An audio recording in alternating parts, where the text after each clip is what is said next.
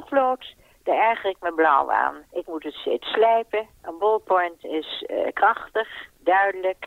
Het is een goede uitvinding. Ik heb liever natuurlijk de ouderwetse parkerpen. Maar ik vind een potlood een bron van irritatie.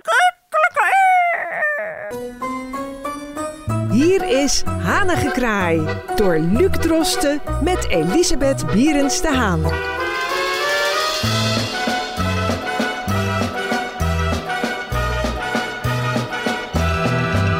Welkom bij Hanige Kraai met vandaag wederom een reeks aan dilemma's voor mevrouw Bierens te Haan. Maar ik wilde als uh, inleiding daarop u eigenlijk eerst eens vragen... heeft u Ja? zelf wel eens andere mensen voor een dilemma gesteld? Nee. Nee.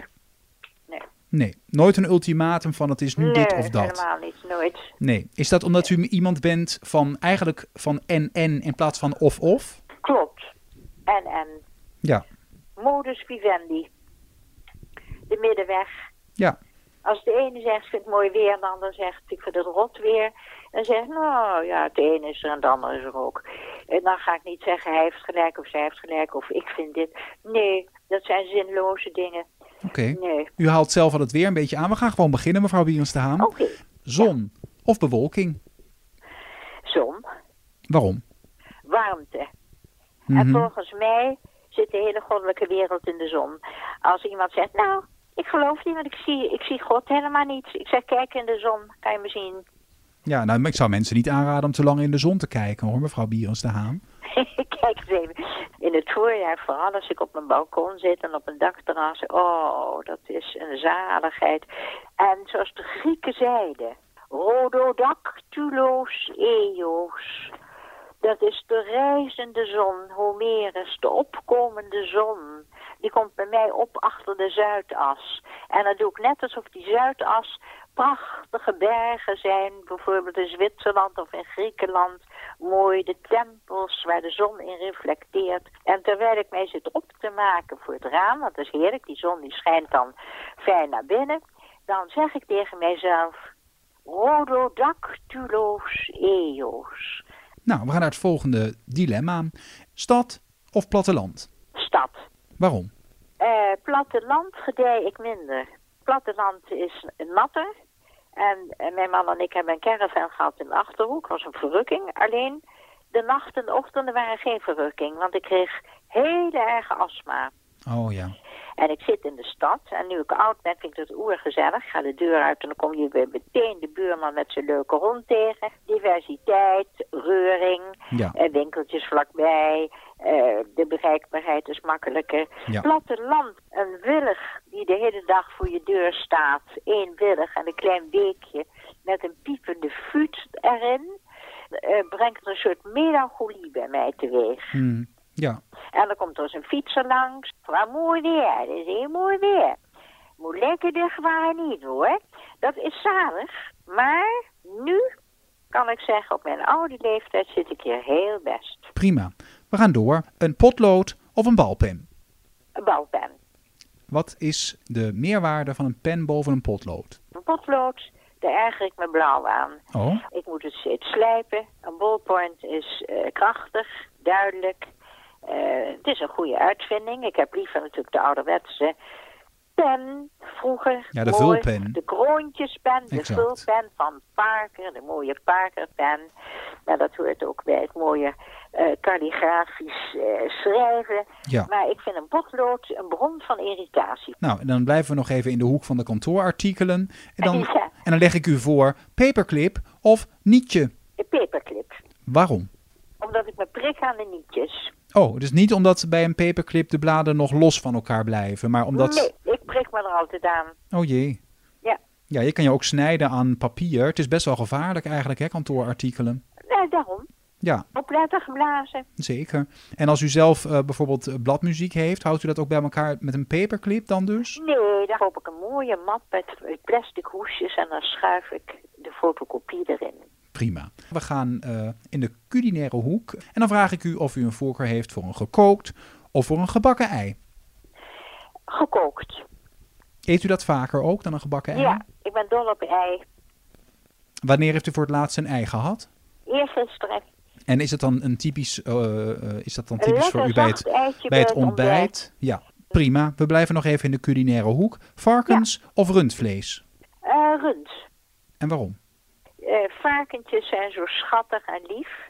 Dat wil niet zeggen dat koeien dat niet zijn. Ik heb koeien geschilderd. Ik heb hier een schilderij van Bella en Stella. Die waren dol op mij. Die gaf ik elke morgen eikenbladen. En, en maar als ik een keuze moet maken, een fait accompli, een keuze, dan zeg ik rundvlees. Ik weet eigenlijk Nee. niet precies waarom, maar dat Nou ja. vind ik iets minder. Ik vind, de varken is zo kwetsbaar. Hij heeft zo'n kwetsbaar huidje. Hmm. Hij heeft dat snuitje en die kleine kraaloogjes. Ik vind de keuze ook heel moeilijk, want ik vind het ook voor de koe heel erg moeilijk. En daarom begrijp ik ook heel goed dat er mensen zijn, ik eet geen vlees meer. Nee. Nou, gaan we door. En dan ga ik het even weer op een, in een andere hoek zoeken. Politiek links of politiek rechts? Politiek midden. Ja. Nou, dat... eh, Want als, Dat is natuurlijk als, ook prima. eh, de VVD bijvoorbeeld een decreet heeft van nee, vuurwerk is historisch, dat moet blijven.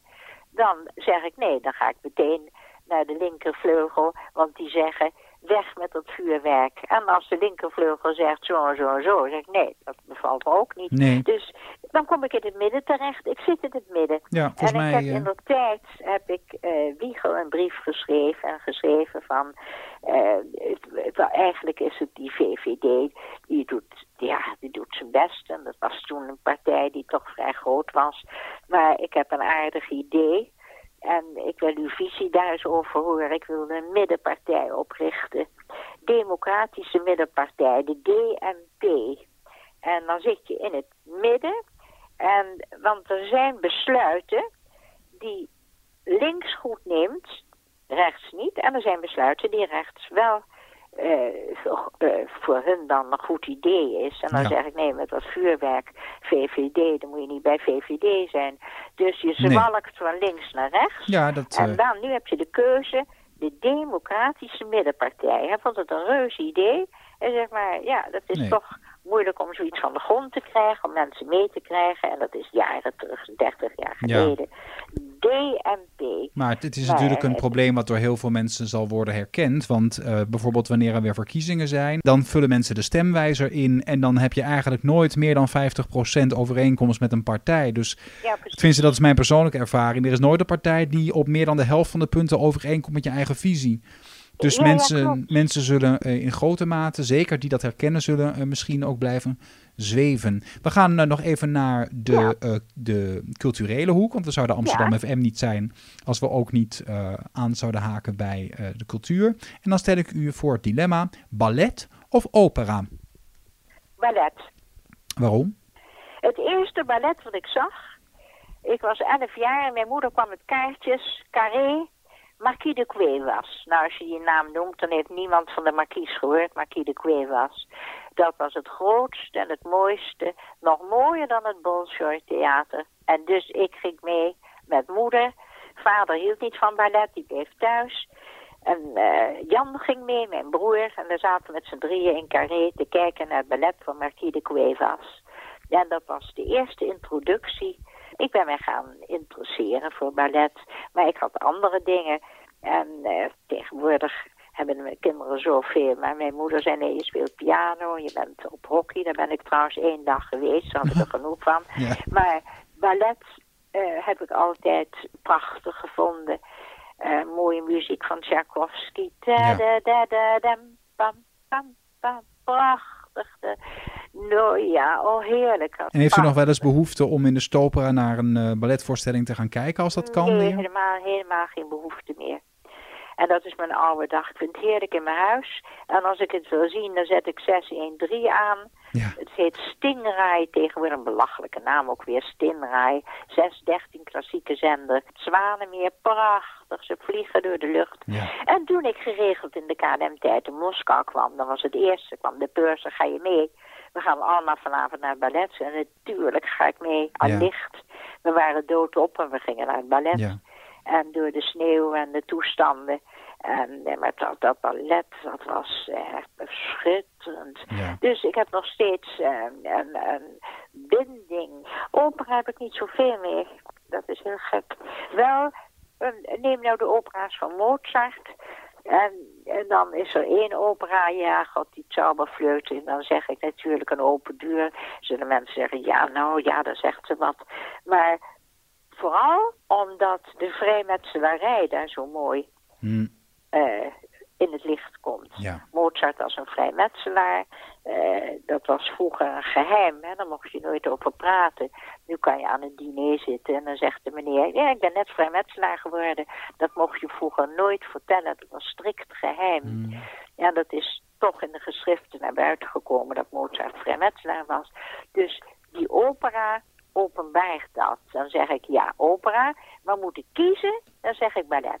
Nou, dat is duidelijk. En eh, Ja. daarmee hebben we weer eh, een, eh, op een aantal punten nieuwe inzicht gekregen van uw karakter. En wat mij betreft doen we dit gewoon over een aantal weken nog een keer weer. Ja, gezellig, leuk, leuk. Mevrouw Bierenstaan, hartelijk dank weer voor uw, eh, voor uw toelichting. Ik dank jou, dat is wederzijds.